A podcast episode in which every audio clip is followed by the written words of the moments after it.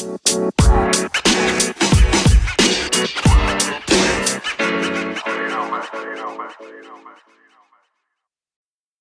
det här är Chen och du lyssnar på det femte avsnittet av Cannabis.se Podcast.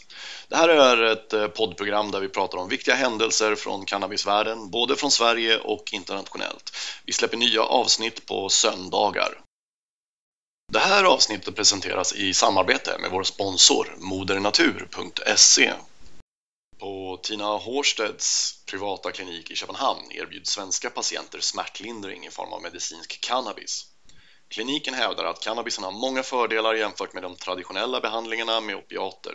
Framförallt så slipper patienterna morfinets biverkningar och den stora risk som finns för att utveckla beroende. Cannabisbehandlingarna hjälper i 70-80% av fallen, berättar Tina Horstedt. För närvarande uppgår antalet svenska patienter där till ett 80-tal, många med kroniska nervsmärtor. SVT har avlagt ett besök där och rapporterar om verksamheten. Nästa nyhet kommer från USA där cannabisodlare oroar sig för att den ökande hampaodlingen kan komma att förstöra deras odlingar. Om honplantorna blir befruktade så blir det ju som en katt väldigt lite THC producerad eftersom plantan istället övergår till fröproduktion. Vid eh, ihållande vind kan pollen spridas nästan upp till 5 mil och alla honplantor som befinner sig inom den zonen riskerar då att befruktas. Nu har en grupp utomhusodlare i Oregon, The Oregon Sun Growers Guild, blivit så pass skärrade över den här plötsliga tillväxten av hampaodlingar i delstaterna att de lobbar för att dessa ska frysas tills situationen klargjorts. Det här kan tyckas smått ironiskt med tanke på att knarkkrigare ofta hävdat att tillåtande av hampa kan användas av odlare för att dölja cannabisodling i drogsyfte. Nu är det alltså tvärtom, det kan istället vara till nackdel.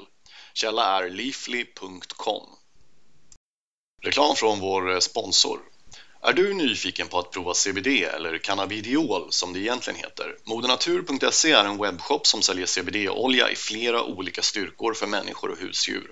Deras sortiment är labbtestat och av eh, god kvalitet. Eh, de utlovar snabb leverans och bra priser. Nu till Kanada, där en förening för multipel skleros investerar 1,5 miljoner dollar i forskning. Denna undersökning är första studien av sitt slag och syftar till att ta reda på hur cannabis påverkar multipel skleros. Men fler än Kanadas MS-sällskap eh, har bidragit med resurser. Eh, inte mindre än tio olika organisationer är med och hjälper till, däribland Institutet för cancerforskning och Kommissionen för mental hälsa. Försöken ska pågå under en femårsperiod. Till Kalifornien, där nu ett lagförslag kan komma att göra det möjligt för patienter som befinner sig i livets slutskede att få cannabis istället för opiater som smärtlindring. De som får opiater är ofta så neddrogade att deras nära och kära har stora svårigheter att kommunicera med dem sista tiden i livet. Ett lagförslag, SB 305, kommer från den demokratiska senatorn Ben Huso. Förslaget skulle göra det möjligt för patienter som har en läkares rekommendation att istället få smärtlindring via cannabis. Det är svårt i nuläget eftersom cannabis fortfarande är illegalt på den federala nivån och gör sjukhusen motvilliga att tillåta drogen.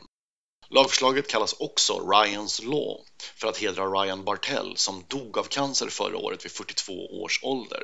Hans familj ville att han skulle behandlas med cannabis istället för opiater, men sjukhuset vägrade.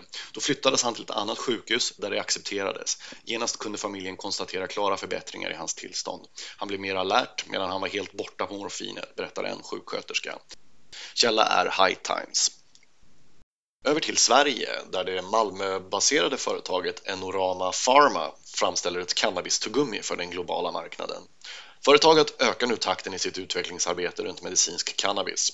De har ett laboratorium i Malmö universitets lokaler där de håller på med prototyputveckling av cannabis-tuggummit. Arbetet baseras på deras egen teknologi ShuMed. Analyser och utvärderingar har visat att intresset för cannabistugummit är mycket stort i USA.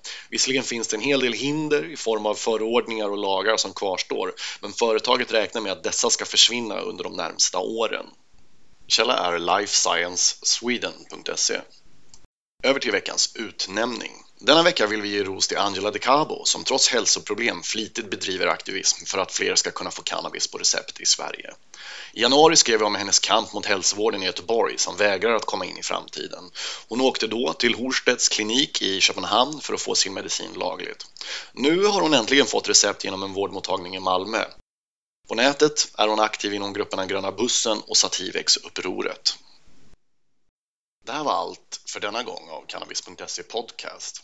Gillar du vad vi gör? Snälla, gå till vår Patreon-sida och ge oss ditt stöd.